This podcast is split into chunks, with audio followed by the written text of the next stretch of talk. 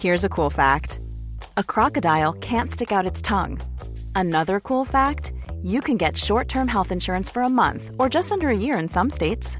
United Healthcare short term insurance plans are designed for people who are between jobs, coming off their parents' plan, or turning a side hustle into a full time gig.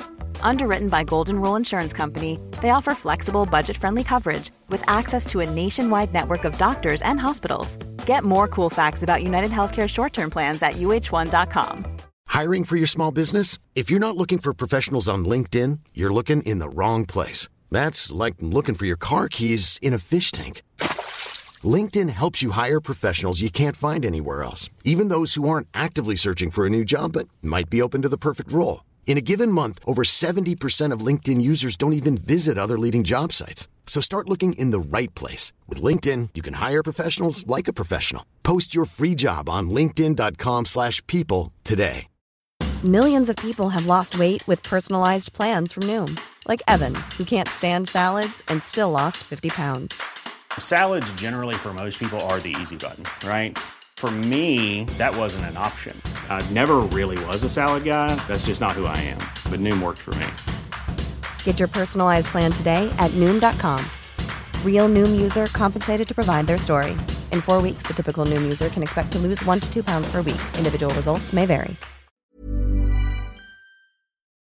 Vi har bland annat en familj som bodde ganska nära Cape Otway som kom att lämna in en observation att de hade sett ett flygplan på himlen.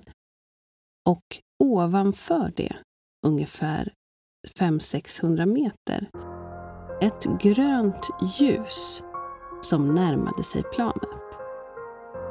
Planet rörde sig neråt i en ganska brant vinkel med ljuset som rörde sig strax ovanför och följde efter.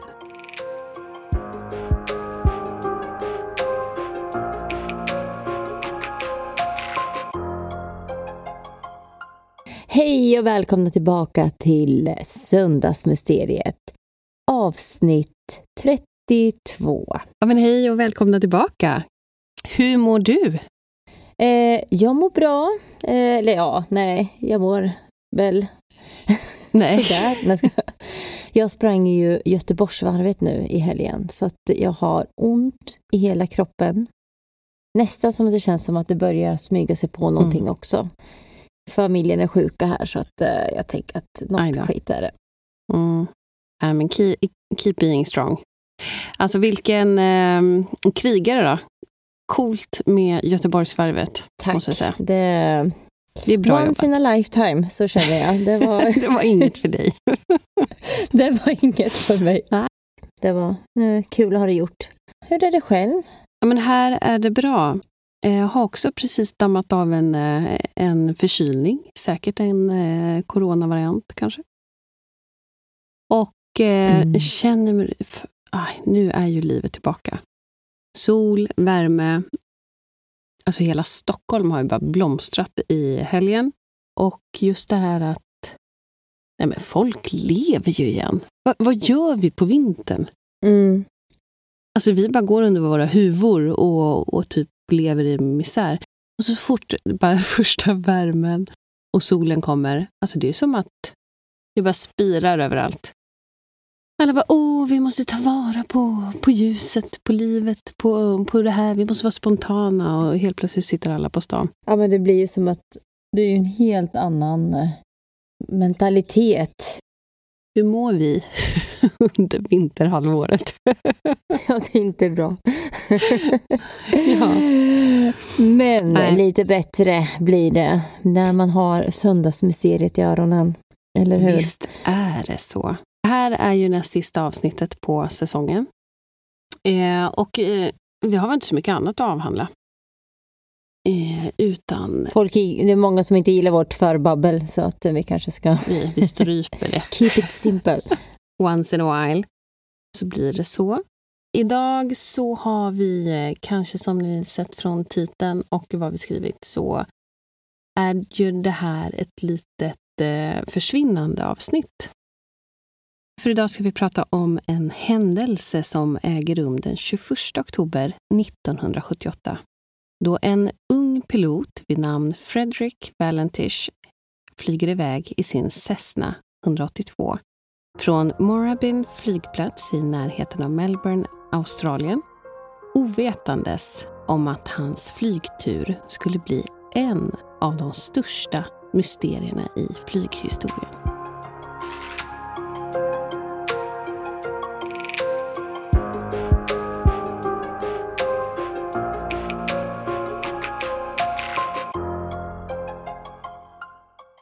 20-åriga Fredrik Valentich var en australisk pilot som älskade flygning. Han hade redan flugit ihop 150 flygtimmar och satsade på att ta sig in på det kommersiella flyget. Så det här var en ren rutinflygning som Fredrik skulle ut på. Han lämnar flygplatsen ungefär 20 över 6 i sin Cessna. Ett litet propellerflygplan som han skulle ta sydväst i 40 minuter mot Cape Otway samt 20 minuter från Cape Otway till King Island, en liten pittoresk ö i området Bass Strait utanför australienska kusten. Det här är en rutt som han har åkt flera gånger och han hade som vanligt rätt utrustning och rätt förutsättningar för att flygningen ska gå vägen. Kort efter solnedgången, runt klockan sju, kontaktar Valentich flygbasen om att ett föremål flyger runt honom. Något som han trodde var ett annat flygplan. Han anropar Melbourne Air Flight Service och får kontakt med Steve Roby. Han frågar om det finns något känt flyg i närheten. Men flygbasen svarar att nej, det ska inte finnas något känt flyg i området. This is Delta Sierra Juliet. Is there any known traffic below 5,000 feet? No known traffic. Seems to be a large aircraft below 5,000 feet. What type of aircraft is it? I cannot confirm. It's four landing lights. Valentich har alltså kontaktat Melbourne Air Flight Service efter att han har fått syn på en slags farkost som flyger runt honom. Han berättar hur han ser det här föremålet som ser metalliskt skinande ut. Det är ett långt format objekt, men svårt att säga exakt vid den hastigheten som det flög i. Och vartefter så verkar han också börja få problem med motorerna. Man hör hur han berättar för flygbasen att det är som ett föremålet leker med honom flyger runt om honom och lägger sig sedan ovanför hans flygplan på ungefär 1300 meters höjd. Steven Roby var operatören vid flygledningen som hade fått kontakt med. Han som pratar med Fredrik och han märker hur genuint oroad piloten börjar bli. Inte panikslagen, utan oroad. Vilket får Steven själv att bli lika orolig han. Fredrik berättar hur föremålet flyger iväg och försvinner. Men plötsligt kommer tillbaka mot honom. Han berättar för basen att hans mål är Kings Island och att farkosten har kommit tillbaka och lagt sig ovanför honom igen. Och det här sker samtidigt som han säger något som oroar flygledningen ännu mer. The aircraft has just passed over me at at least a thousand feet above. Is there any Air Force aircraft in the vicinity? No known aircraft in the vicinity. Seems to be playing some sort of game. He's flying over me. Delta Sierra Juliet. It's not an aircraft. It's... Can you describe the uh, the aircraft? As it's flying past, it's a long shape. Cannot identify it. It has such speed. It's before me right now, Melbourne. How large would the um, the object be? Seems like it's stationary. What it's doing right now is orbiting. The thing is just orbiting on top of me. It's also got a green light and a sort of metallic light. It's shiny on the outside. It's just vanished. That strange aircraft hovering on top of me again. It's hovering, and it's not an aircraft.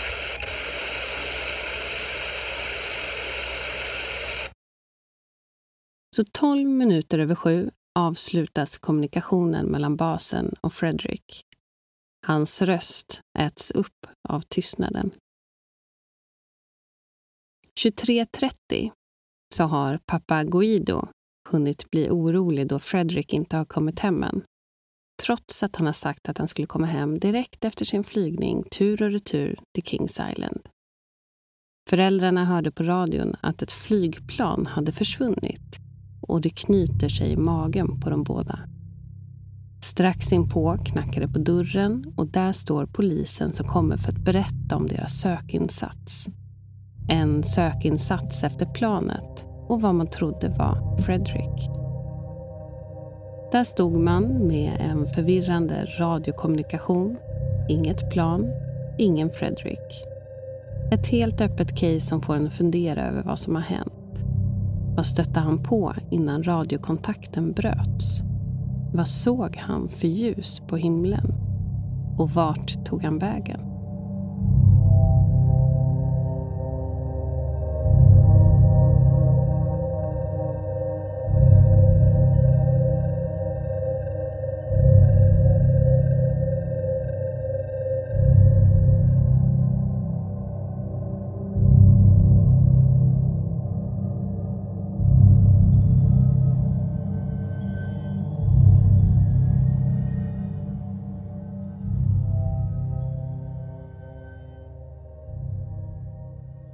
Sökinsatsen satte igång och kommer att hålla på till den 25 oktober.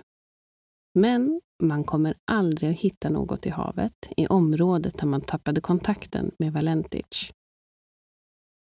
Sökinsatsen utfördes av Australiens transportdepartement, Royal Australian Navy, Royal Australian Air Force och civila flygplan och markbärande team det här är alltså en väldigt omfattande sökning och de tar en stor del av Bass Strait-området som ligger utanför Melbourne där han ska ha flugit. Men trots de omfattande sökningarna hittades inga spår. Inte ens ett litet fragment från ett flygplan. Ingen Fredrik. Sökningen kommer att avslutas 25 oktober 1978. Självklart så gjordes det en utredning i samband med den här händelsen. Och det finns två saker som pekar på att ja, det kanske inte gick helt enkelt till. Det var dels ett flygplan som försökte få ett fartyg orienterat till en oljefläck som man hade sett i havet. Man trodde ju först att den här oljefläcken skulle kunna vara ett spår av Fredrik Valentich plan som hade kraschat. Men de lyckas ta sig dit. Däremot tar det väldigt lång tid för att få det här fartyget att komma på plats. När de väl har kommit dit för att fånga upp oljan så tar man och analyserar den, men det var tyvärr ingen match med det flygplanet. Och frågan är också om den här tiden som de la på att lokalisera den här platsen och komma dit hade man istället kanske kunnat hitta Valentich. Ett annat problem var också när ett lätt flygplan som var ute inte hade ett ordentligt navigationssystem. Det här planet var alltså tvunget att åka högt upp i luften för att kunna lokalisera sig igen. Ja, men varför var det här ett problem då? Jo, för att det sägs att de hade fått syn på något i vattnet men var tvungna att åka upp och ta höjd för att kunna lokalisera sig och kalla dit andra innan de kunde flyga ner igen. Och när de väl åkte ner så såg de inte längre det de tidigare hade sett i havet. Var det en synvilla? Eller kan det ha varit något relaterat till Valentichs flygplan? Ja, det är ju tyvärr någonting som vi aldrig kommer få veta. Men fanns det några andra vittnen i området? Jo, vi har en hel del observationer som har gjorts vid det här tillfället när Valentic försvann. Vi har bland annat en familj som bodde ganska nära Cape Otway som kom att lämna in en observation att de hade sett ett flygplan på himlen Och ovanför det, ungefär 500-600 meter, ett grönt ljus som närmade sig planet.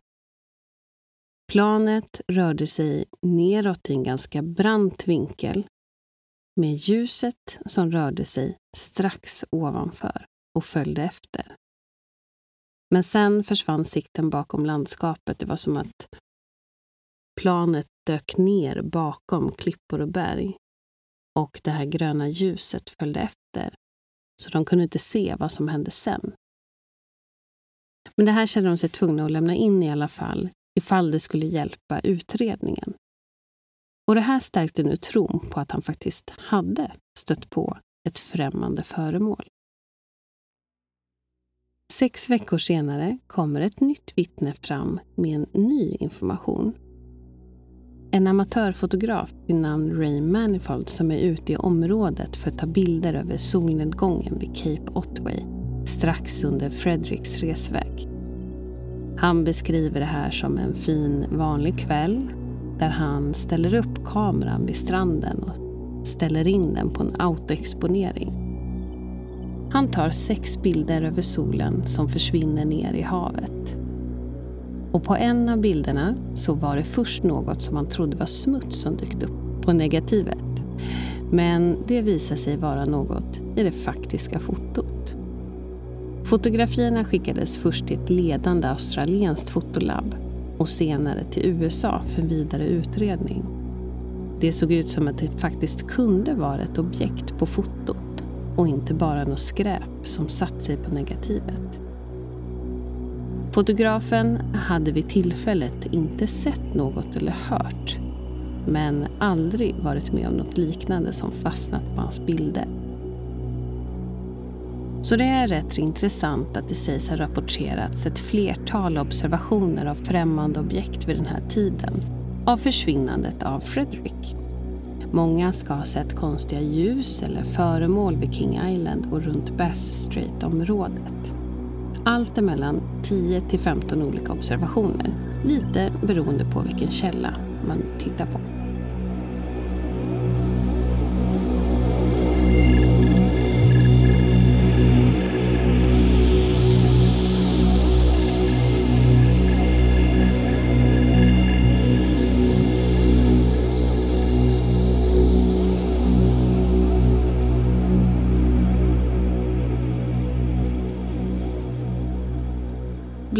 Så hävdar Steven Robbie, den kontrollant som Fredrik kom i kontakt med under händelsen, att han arbetade vid flygledningen ungefär fem dagar senare och en annan pilot i ett lättviktigt plan hade kontaktat flygledningen under en navigationsflygning ovanför East Sail. Han hade rapporterat att han passerades tre gånger av ett intensivt starkt ljus som färdades i jättehastighet. Och det här ljuset kom tillräckligt nära honom för att tvinga honom att landa sitt flygplan. Det här gör ju inte fallet mindre intressant och flertalet ufo-utredare blev såklart också nyfikna på den här händelsen. I december 1981 så har vi John West som tidigare drev Sydney UFO Investigation Center.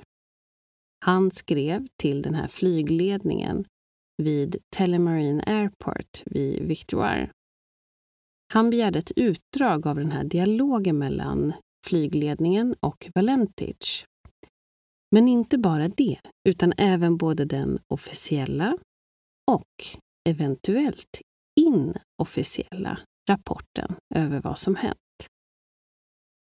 Och han får ett svar att de faktiskt utreder händelsen så som de bör och för att eh, de ska kunna framåt eh, proaktivt motarbeta sådana här händelser så att man kan förhindra att sånt händer igen. Och att det inte finns någon inofficiell rapport över händelsen. Utan allt som kommer hittas delas i rapporten om man väljer att släppa den underskrivet J.C. Sandercock och daterat 28 januari 1982.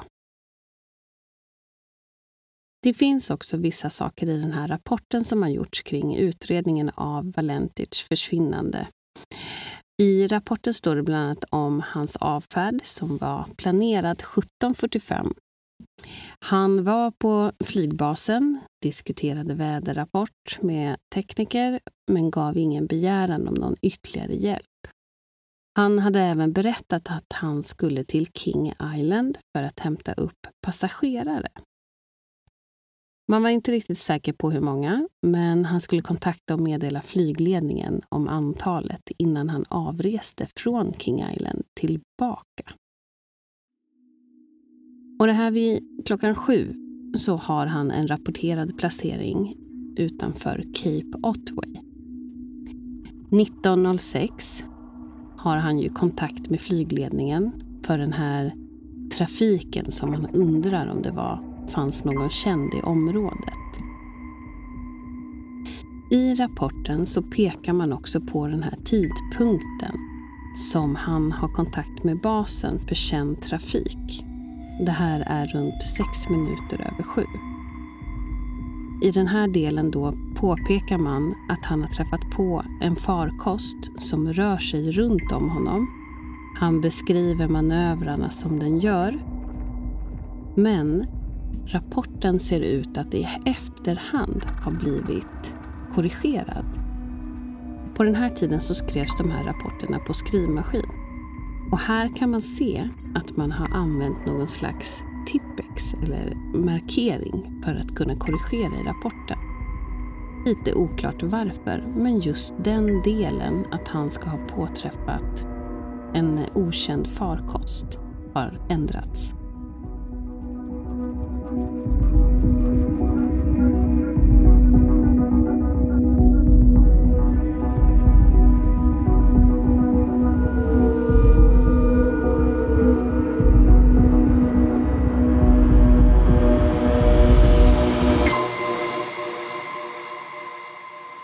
Det man vet om Fredrik Valentich är att han föddes den 9 juni 1958 i Victoria, Australien och utvecklade tidigt ett intresse för flygning och erhöll sitt pilotcertifikat redan vid 19 års ålder. Han älskade att flyga och följde drömmen mot att bli kommersiell pilot. Han beskrevs som en väldigt hängiven och excentrisk pilot som ofta tillbringade sin fritid med att flyga och förbättra sina färdigheter. Han kom från en väldigt sammansvetsad familj. Pappa Guido och mamma Albina som var invandrare från Italien. Guido var en respekterad stenhuggare och Albina började arbeta som sömmerska. Fredriks tid för utbildningarna var på väg att ta slut. Han hade bara ett ämne kvar för att kunna nå den här kommersiella licensen och han gick kurser flera dagar i veckan. Men han satt vid två tillfällen och failade de här examen för licensen. Även under en flygning i juli 1978 så ska han felaktigen tagit sig in i Sydneys kontrollflygrum här fick, blev han efteråt kontaktad och fick tillsägelse kring den här överträdelsen. Vilket absolut inte står honom i god för att just kunna ta en sån här kommersiell licens. Familjen trodde länge att Fredrik flög till King Island för att han skulle hämta upp någon slags kräftor. Men han hade sagt till den här officeren vid Morabin att han skulle hämta upp passagerare. Däremot fanns det ju aldrig några spår av några passagerare på King Island som skulle hämtas upp. Och dessutom så var det förbud mot att frakta de här krabborna på flyg. Och kanske var det därför han påstod sig att han skulle hämta folk för att mörka hans kräftsmuggling den kvällen. Han hade också sagt till sin flickvän att samma kväll skulle de ses 19.30 för en dejt. En tid som han omöjligt skulle kunna hinna till om han runt klockan sju är utanför Cape Otway. Och han hade sagt till sin pappa att han skulle komma hem efter King Islands, dock samtidigt som han också hade den här dejten. Han kanske inte hade någon intention att åka dit. Så vart kan Fredrik Valentic ha varit på väg?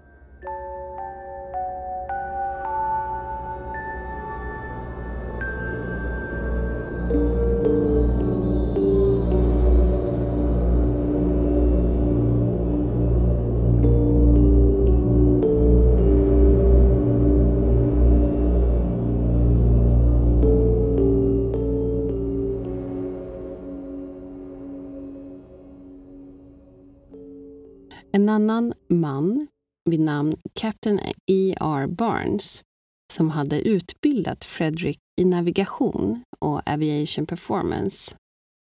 Han sa att Fred var en person som aldrig tog genvägar. Han var ordentlig när det gällde flygning. Han var ganska tyst tills man lärde känna honom. Och han har skrivit till utredningen och berättat att Fredrik var en duktig pilot. Han var ett viktigt karaktärsvittne i den här utredningen och förstår inte hur han kunde försvinna på det här sättet som han gjorde. Han hade inga alkoholproblem. Han kunde i och för sig stava lite dåligt och hade lite akademiska problem. Men han var en väldigt duktig pilot. Ibland kunde han dock ha lite navigationsproblem. Han hade respekt för auktoriteter. Han hade aldrig sett Fredrik bli arg, förutom vid ett tillfälle. Men Fredrik hade också ljugit om att han hade fixat två olika tentor som Barnes hade hjälpt honom att förbereda sig för.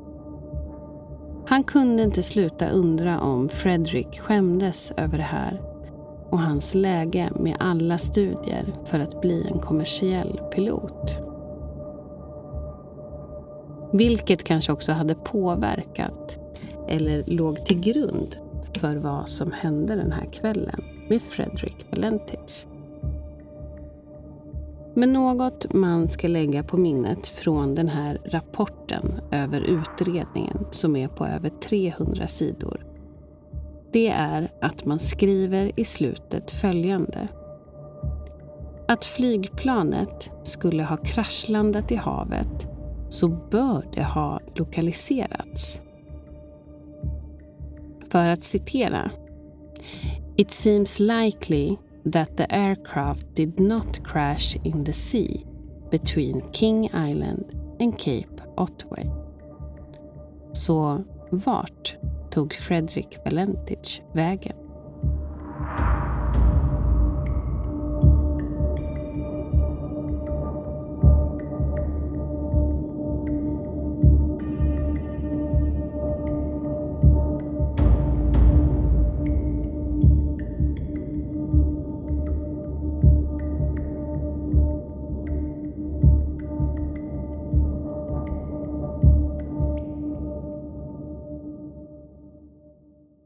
Men alltså de här första eh, eh, de här klippen du eh, la in när han eh, pratade med kontrollcentret där. Ja! Alltså va? Han låter ju onekligen lugn. Jo, i och för sig. Det gör han ju. Mm. Alltså i, inte lugn så. Han, han, som de säger, han har ju ingen panik. Men det har han ju inte. Men han låter ju liksom concern. Ja, men sen att han liksom eh, börjar liksom, är det någon annan, vill veta att är det någon annan här ute som kör. Mm. Man kanske inte blir, om man är pilot, kanske man inte blir Ja. eh, bekymrad först utan men, vad är det här för några skojare kanske som är ute och Nej, exakt. Man vet ju aldrig vad man kan dyka på. Och sen så att han, han vid flygledningen blir också mer och mer orolig. mm. Ja, precis. När den tappar kontakten, att det blir sådär bara brus och några så klickande ljud. Det är rätt obehagligt. Ja, ja för fasen alltså. Vad läskigt. Mm. Det är ju rätt intressant att de säger det, att ja, men det finns inga kända flyg och ska inte finnas heller i området Nej, vid det tillfället. nej, precis. För där tänker jag, då, nej, då är det ju någonting annat då. Alltså för det borde de väl sett oavsett om vad det är. Eh, Alltså om det är privatflyg eller något så borde de väl ändå se det, Mm. tänker jag. Ja, man borde ju se på radar liksom och att... Eh, jag vet inte hur reglerna funkar, men att man liksom checkar in i det flygområde som man åker in i. Gissar jag, för då tar ju olika Ja. flygledningar över eh, eh, det flygområdet, tänker jag. I- Utan att vara en expert. Mm. Ja, nej, jag bara tänker liksom, så undrar hur funkar det där liksom, om de är privata och att man inte eh, om man inte checkar in sig själv. Mm. Men att de borde kanske kunna se att ja, men vi ser att det är någonting annat där. Ett Mm. annat. Jag vet Ja. inte hur långt ifrån han var liksom. Nej, han hade ju börjat komma en bit i alla fall när han började anropa. Så det var väl i alla fall ganska enligt hans rutt att det skulle väl ta en... Vad var det i början? En 40 minuter kan det ha varit det. Precis, mot Cape Otway. Och det är ju ungefär ganska exakt för han skulle ju ha av, tagit sin avresa där runt 20 över 6 mot Cape Otway, syd-sydväst, ungefär 40 minuter innan han anropar. Så det är ju fortfarande i närheten, om man får säga så. Ja, ja, ja, absolut. Men precis, då kan man ju fundera på så här, men vad är det han kan ha sett då? Det finns ju många som tror och anser att det är solklart att det är myndighet, myndigheterna, att det är myndigheterna som Mhm. döljer något. Eh, att han ska ha träffat på något slags eh, vad ska jag säga, avancerat högteknologiskt experiment eller eh, ja, något inom så här, topphemligt militärflyg eh, dykt in, in i någon slags operation som lett till att han då rapporterar det här oidentifierade flyget.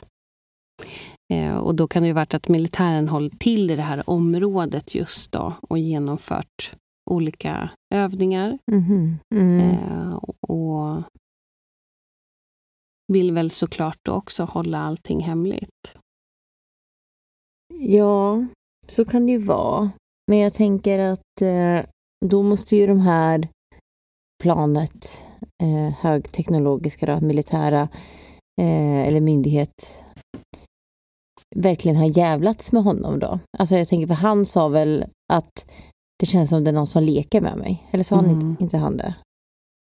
Ja, ja för det åkte ju liksom runt honom, la sig ovanpå honom och liksom höll sig där som att de övervakade honom lite Mhm, på något okej. sätt. Ja.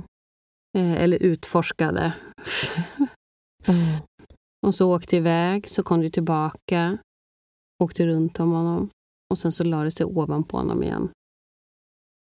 Alltså riktigt obehagligt. Jag hade ju känt mig lätt stressad.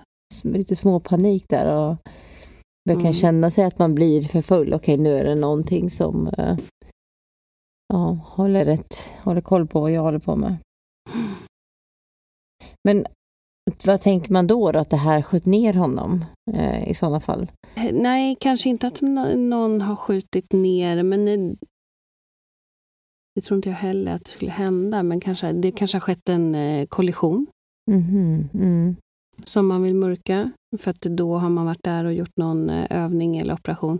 Eller så kan det ju, ja, om man ska tänka ännu längre, det kan ju ha varit en militär operation med något faktiskt ufo.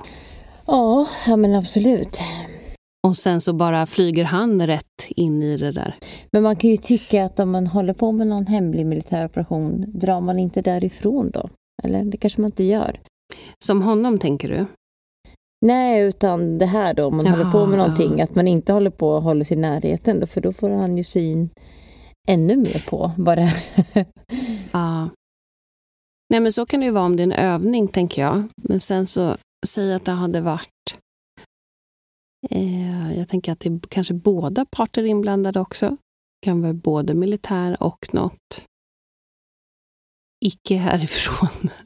Mm. okej. Mm, just det. Jag tänker att de kanske gör något slags ingripande eller liknande. Och så kommer han där mitt i allt. Mm. Eh, nej, för jag kan ju hålla med om att det skulle vara, om det enbart är något eh, det beror ju på i och för sig om det här militära flyget skulle kanske vara något superhögteknologiskt som man faktiskt vill dölja. Men absolut, då skulle de ju Mm. snarare dra därifrån än att kanske hovra runt om honom. Ja, eller ja, alltså, jag, vet, jag kan inte komma på varför man vill. Ja, det är svårt att säga. Ja, vill man hålla koll på honom då på något sätt? Men det är väl bättre att dra därifrån, för det är väl inte saken bättre att man Mm. alltså, hovrar runt där, för då får man väl se ännu mer och kan skvallra ännu mer på alltså, att vad, vad han har sett. Mm. Om de, Nej, speciellt om den är högteknologisk som är, har en helt annan teknologi än vad hans plan har och kan kanske göra helt andra ma- manövrar så kanske man kan Ja. sticka ifrån väldigt snabbt. Så att, mm, Gud ja. Nej, alltså han flyger ju liksom i en sån här liten Cessna. Det är ett litet flygplan, alltså ehm, vad heter det? Sånt här helikopterflygplan. Eller pro- helikopterflygplan. Propellerflygplan. Ah, Okej, ja. Alltså litet. Han flyger liksom inte runt i något supercoolt. För vilket år var det här? Eh, det var ju 1978, 78. Mm. så det tar sen. Ett eh, propellerflygplan får ju nog plats för kanske fyra personer, kanske två, två extra små sitser eller något sånt där. Så det är inte jättestort, Nej. Eh, utan ett litet så här, mysflygplan som han åker runt och samlar timmar i för att bli kommersiell pilot helt enkelt. Va, vad sa han då att han, eh, hur tyckte han att det här såg ut? Eller hur beskrev han det? Det alltså- han säger i det här samtalet är att han ser något som ser ut att vara avlångt och som har som en, eh, alltså en yta som är skinande och metallisk. Plus att han också då ser, eh, jag tror i början säger han så att han har, ser tre, fyra ljus eller något liknande så landningsljus. Men också att det är svårt att säga specifikt i och med den hastighet som det också rör sig i. Ja, det låter ju det. Lite annat. Det är ju ett solklart ufo. Avlångt. är inte är lite, tänker lite så här cigarrformat. Är inte det så klassiskt? Ja. eh, Allting. Och Moa Moa. Ja, och Moa Moa. Ja, vad Moa Moa sa där. Eller hur? En minivariant. Ja. Ja, Ja. oh, det var det. För det här var ju, Moa var inte det superstort som ett... eh, Det var ju Jo, the mothership liksom. helst. Ja. ja. Här kommer Som en lilla... fotbollsplan tror jag var. var inte det? Ja, otroligt. Mm. Nej, men så det, det är ju någonting som man tror i alla fall att det, det kan ha gjort, ja, ha något att göra med militären. Eller något högteknologiskt liksom, projekt man håller på med eller liknande. Men och då går man Ehm. liksom, nej men det kanske man inte gör. Att jag tänker så här, kan man inte gå ut med sånt i efterhand då? Att jo men det var vi. Varför ska man göra det? Nej, precis. Jag tänker också, varför skulle man göra det? Eh, för att du förmodligen vill ju Jag ändå hålla För något. det här är inte så högteknologiskt Nej, längre. Jag tänker så här så många år efteråt liksom, att det är så här, år 2000 kan vi gå ut Nej, men då kan det ju ha varit då, säg istället då, om det nu skulle vara militär som är inblandad. Men då kanske inte bara är militären inblandad, Nej, det... utan att de kanske är på jakt efter något där ute. Men eh, nej, jag håller helt med om att det, då, det låter fortfarande oklart att de då skulle lägga sig och störa honom på det sättet som, som farkosten verkar göra. Men det jag tyckte var intressant, eller det finns mycket intressanta saker. Dels då också att ja, men det finns ju andra som har observerat eh, ungefär liknande vid det här tillfället. Just det. Eh, bland annat den här familjen då som säger sig se eh, det här flygplanet åka neråt med ett grönt ljus efter sig. Det om något är ju så här, okej.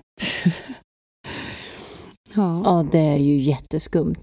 Men hur, vart hade de sett det åka ner? Alltså, var det att det Tänk kraschade att de då? är nästan, eh, ja eller kraschar, men de, de såg ju liksom som att, vad ska man säga, det är förklarat som att de står någonstans och blickar ut liksom mot havet kanske. Och sen så längre bort så blir det som en, eh, vad ska man säga, en bukt kanske, eller vad säger man? Så det är som att landskapet också går ut i havet. Och så åker liksom som planet som bortom det ner så att de inte ser det längre. Ungefär som att åka ner bakom klippor eller liknande.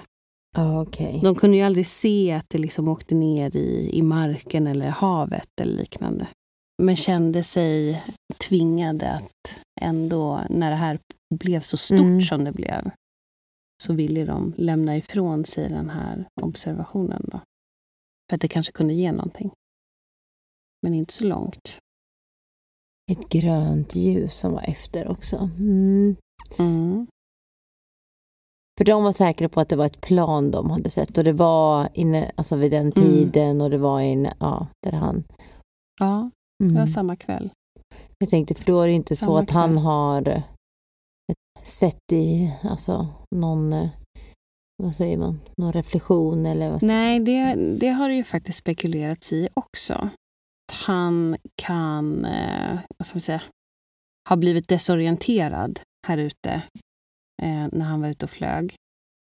Och att det han såg var egentligen sitt egna plan som en reflektion i vattnet. För att han då ska ha flugit upp och ner. Jaha.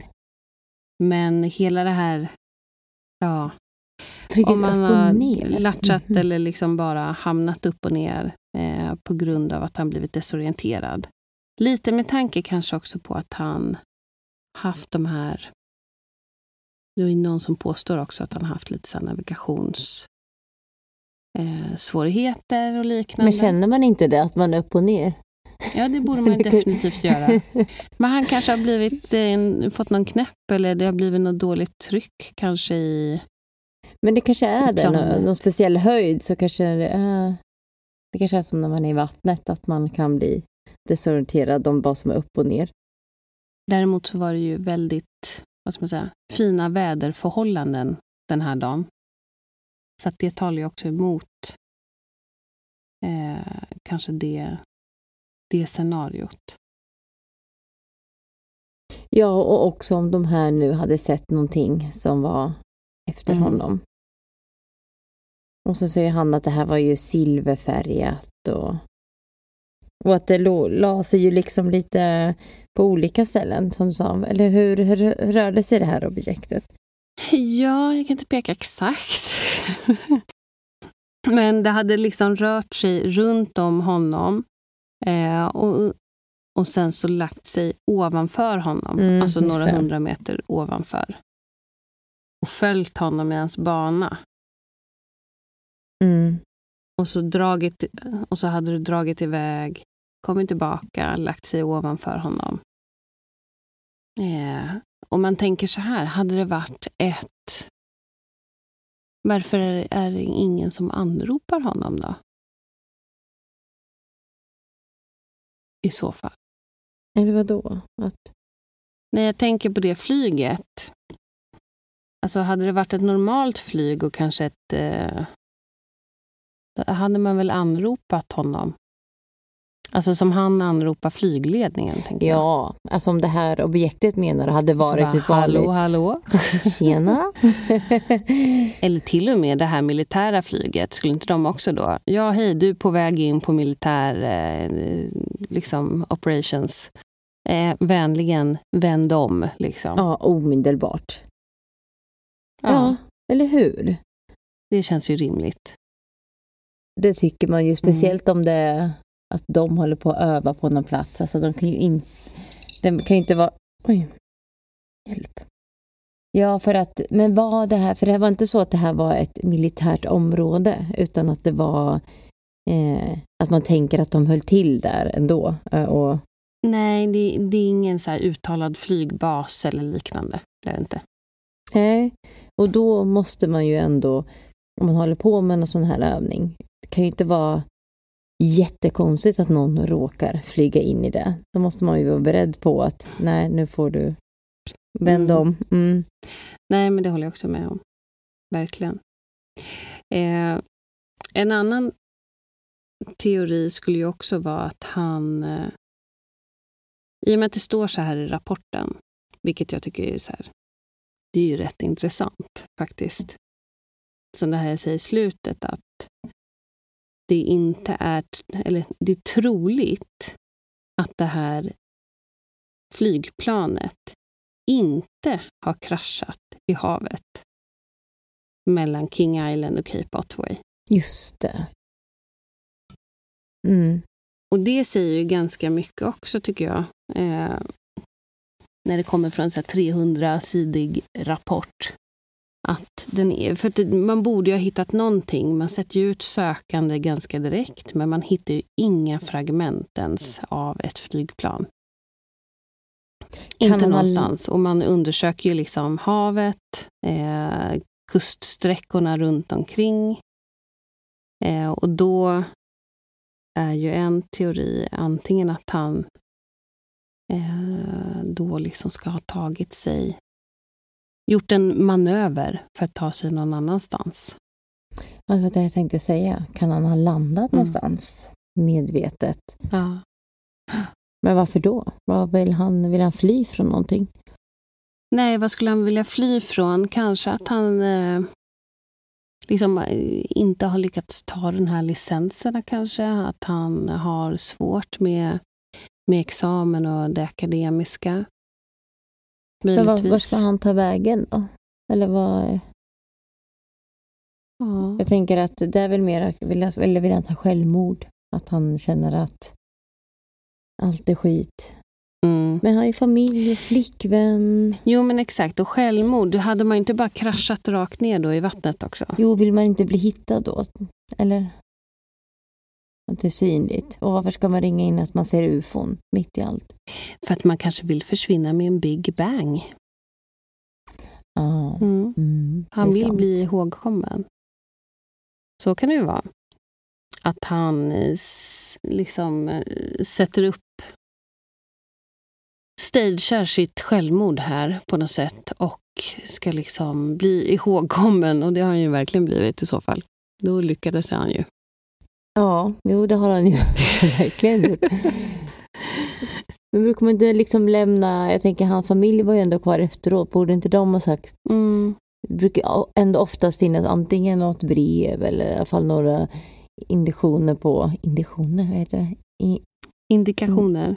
indikationer, indikationer, eh, indikationer på att eh, han eh, kanske varit lite mentalt instabil eller ja, Mm. Någonting sånt. Nej, det, Det fanns väl att man inte har hört. jättemycket som pekar på det. Utan eh, som han också, den här kaptenen som har utbildat Fredrik, att han är en väldigt liksom, entusiastisk eh, och duktig pilot.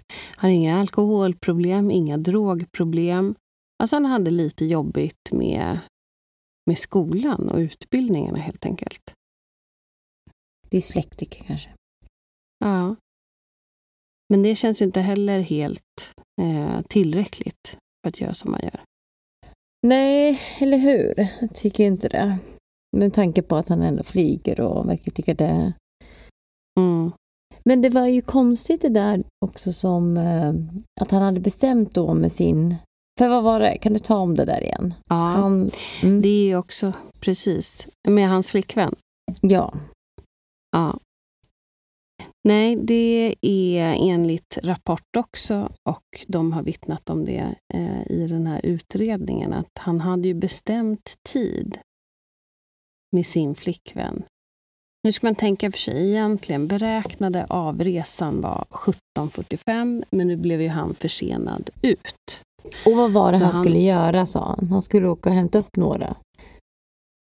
Ja, det här är ju också lite olika verkar det som. Mm. Eh, till någon hade han sagt då, den här flygbasen, att han skulle åka och hämta lite passagerare där borta på Kings Island. Eh, och till, eh, eller familjen hade hela tiden förstått det som att han skulle åka och hämta upp eh, kräftor.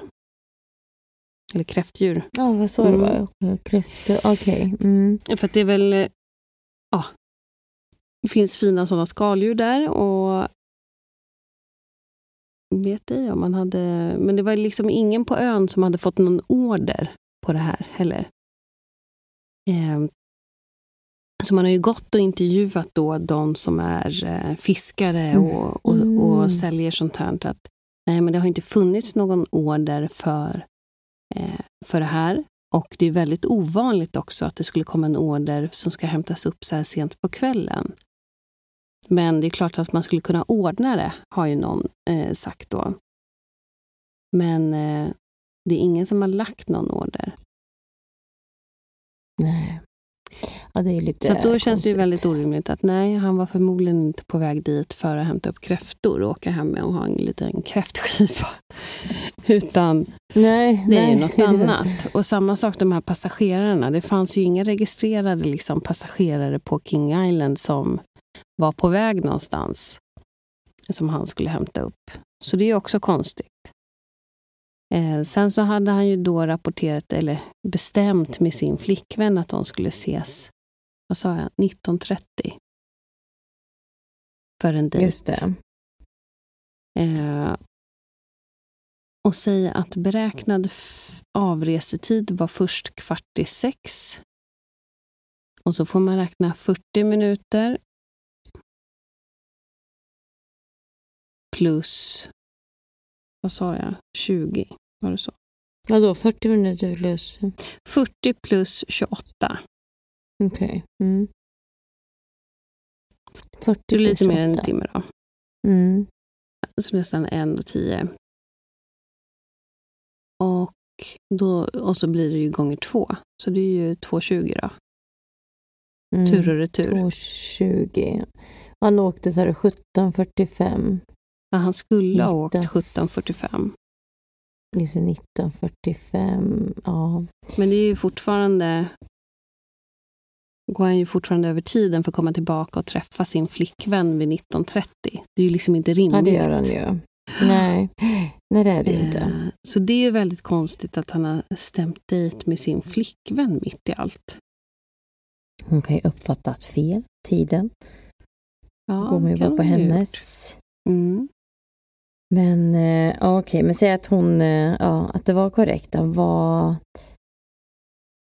vad skulle han göra då? Egentligen? Ja, precis. Vad skulle han göra då? För skulle han bara ut och samla timmar liksom för, sin, eh, för att komma upp i flygtimmar, då är det ju fortfarande de här två timmarna som han måste räkna med Mm. Ja. vara där ute om han ska till King Island och tillbaka. Så det, ja, det är en konstig uträkning. Den går ju inte ihop. Gör den inte. Nej. Och har det varit några teorier på det då? Vad man tror att han... eh, Ja, men dels är det ju att han, eh, han vill begå självmord. Då.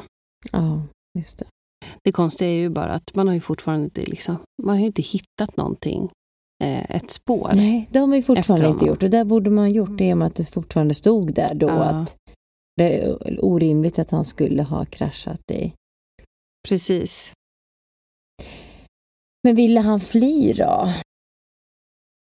Var skulle han ta vägen då? Varför ville han fly? Ja, det skulle ju vara... Han skaffat sig ovänner som eh, familjen inte vet om. Och han verkar en så här hyvens kille. Han ställer ju, all, ställer ju alltid upp på så här extra flygningar och hoppar in och, och, och sådär. Så att jag har också svårt att säga vad han skulle fly ifrån direkt. Om han har gjort något dumt. Nej, för det intressanta, det fanns ju en officer då som var eh, i... Eh, han hade ju hand om den här eh, flygbasen på King Island. Och han vittnar ju också om att det att han har ju heller aldrig blivit förfrågad om att hålla någon slags landningsbana tänd. Nej. Och han intygar ju också i att det fanns ju inga ordrar på att frakta de här kräftorna. För just ett sånt här flygplan också som han flyger, eh, det var förbjudet att frakta kräftor på dem. Mhm. Det fanns heller inga motell bokade på ön ifall piloten hade tänkt stanna över natten. Och den här officeren då, han kände heller inte igen namnet. Eh, men han kände igen själva flyget, alltså fa- eh, flyg, eh, flygplanet. Det var ett hyrt flygplan då, som brukade komma dit ibland. Eh, men han kände inte igen Fredrik Valentic. Ja, det är det som är, mm, det är lite suspekt. Ja, just vad han skulle Mm. göra. Men det finns ju också faktiskt en till fråga. Om det faktiskt skulle vara större än eh, bara Fredrik Valentic och hans lilla Cessna. Mhm. Det där kommer du gilla. För, och jag tror att du kommer känna igen det när jag säger det, eh, om du inte redan vet. Eh, för som det verkar så har ju vi flera platser i världen som verkar dra till sig sådana här, alltså man kan kalla det så här, mystiska krafter. Eh, platser på något, som på något sätt verkar dra till sig de här oförklarliga mysterierna. Du kanske förstår vad jag är på väg. Ja, jag tänker. Mm. Och ett område då som sträcker sig just mellan Australien och Tasmanien är det här Bass Strait. Där inte bara den här Valentic då verkar ha varit med om något mystiskt. Så det här är ju ett område som är ungefär 300 kilometer brett och 200 kilometer norr till söder. Det har mycket trafik både av flyg och båtar. Men trots det här då, så har det också ryktet om sig att vara en plats för just mystiska fenomen. Oförklarliga försvinnanden under årtionden. Förstår du? Ufon och försvinnanden av både skepp och flygplan. Och det är därför man kallar den här platsen för The Bass Strait Triangle. Australiens Bermuda-triangeln, eller? Ja, exakt. Mhm. Tydligen. Och jag har försökt grotta lite i det där. Jag bara känner det där blir ju ett eget avsnitt egentligen. Men det tar ju sig tillbaka ända till typ 1700-talet. Är, eh, som är något av de första då, eh, händelserna som folk vittnar om. Och bland de första fallen då var ett eh, stort så här, godsfartyg som skulle åka mellan Calcutta och Port Jackson som idag är själva Sydney.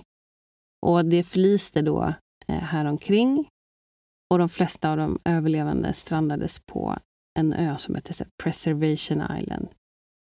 Och så satte man in en räddningsaktion och ett skepp som hette Elisa sägs ha försvunnit och aldrig återfunnits under den här eh, räddningsaktionen. Då. Eh, och det skedde i det här området, Bass Strait. Och sedan dess har flertalet skepp, flygplan, har rapporterats försvunnit i området. Så då undrar man ju ändå, kan det vara ett samband mellan alla de här andra och Fredrik Valentics, eh, Valentics försvinnande? Det tycker jag är lite spännande. Ja, men det måste det ju vara. Det där, Ja. jag är övertygad. Ja, blev såld direkt. Ja. Ja, men sånt där älskar man ju. Ja, verkligen. Men det där borde ju, precis som du säger, vad är det som gör då att... Vad är det som gör det här området? Att det är så många...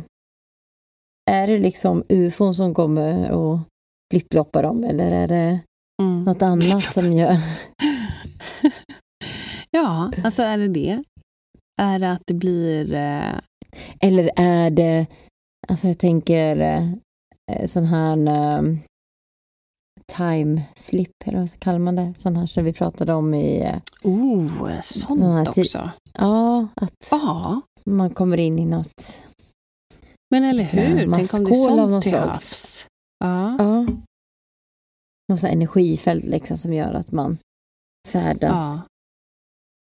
Tillbaka i tiden. Kan, man, kan det mycket väl vara.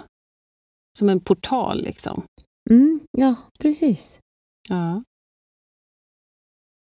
ja. Men det är lite kittlande då också att eh, det är ju faktiskt inte bara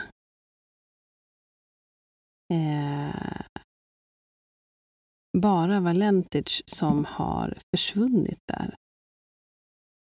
Det finns ju flera Nej. olika fall, eh, vilket är, är superspännande.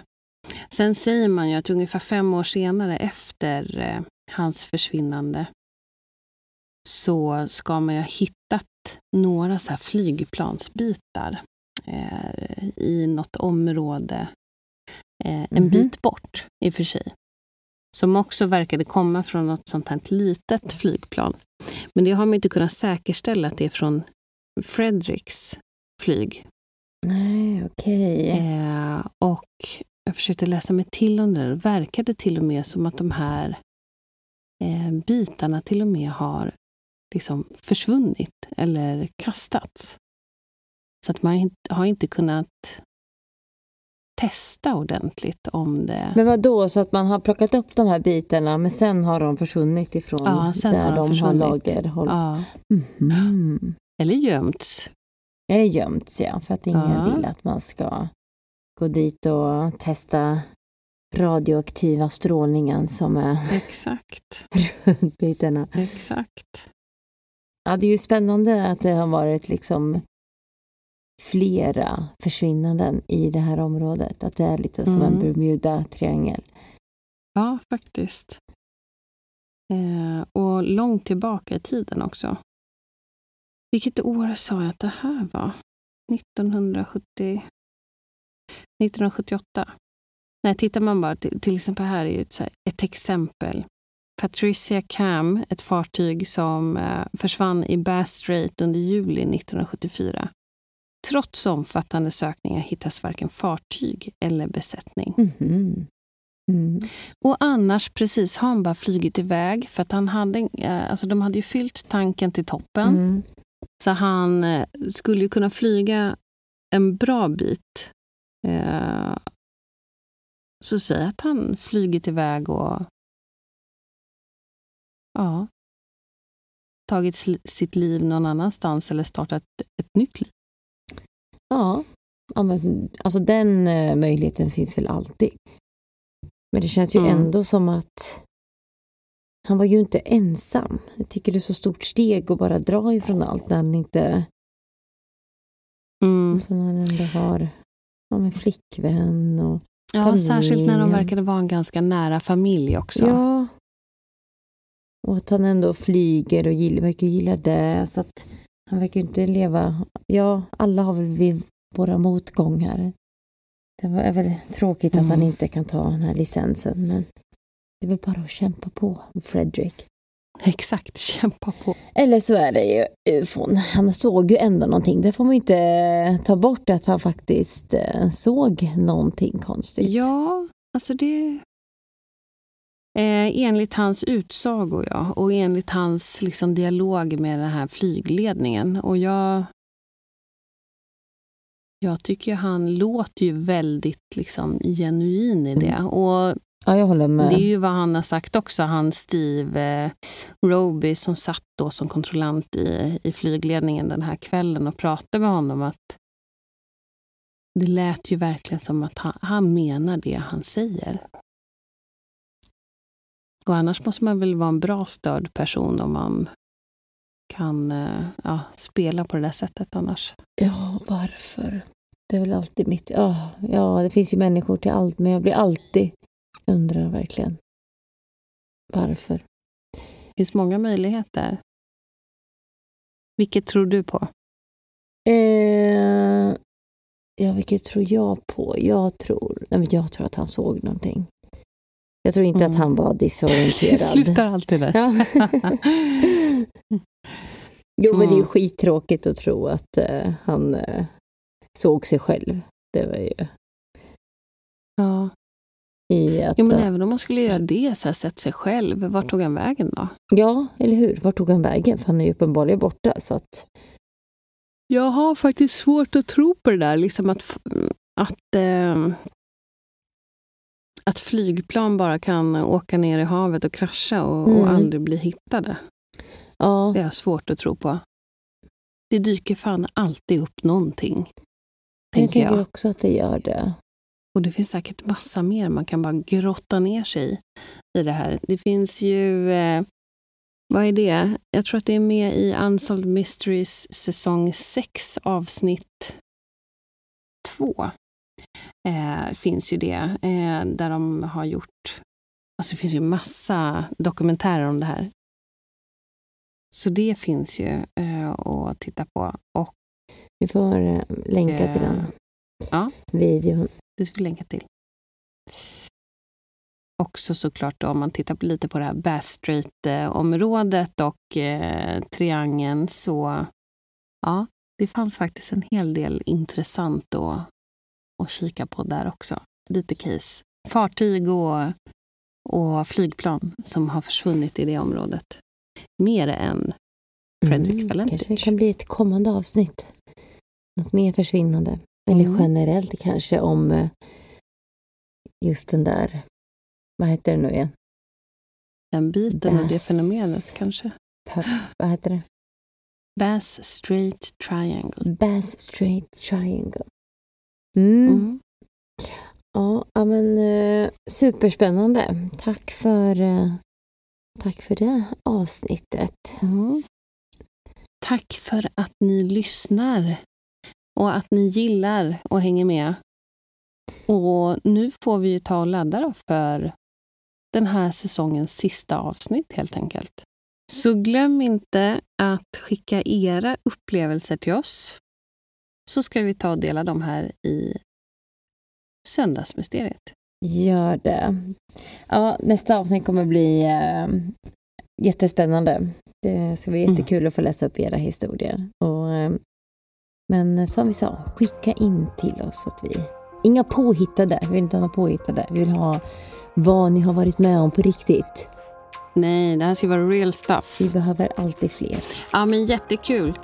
Eh, ha nu riktigt bra två veckor så hörs vi snart igen. Det gör vi. Ha det så Hej då. bra. Hej!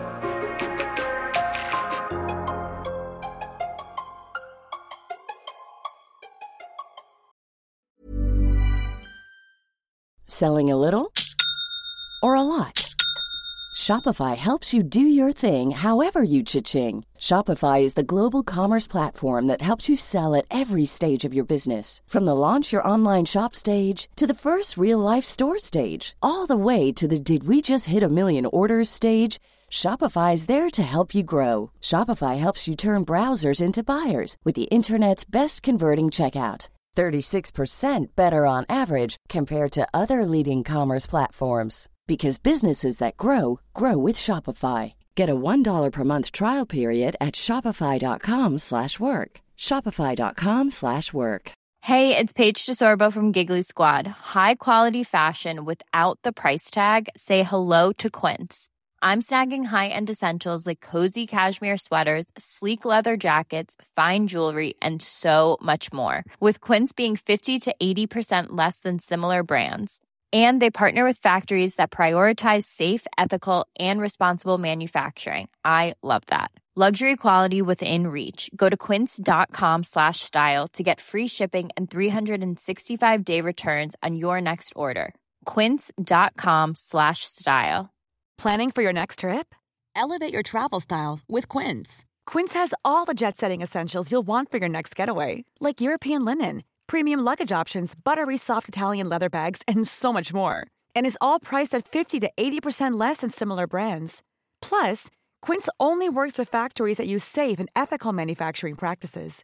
Pack your bags with high-quality essentials you'll be wearing for vacations to come with Quince. Go to quince.com slash pack for free shipping and 365-day returns.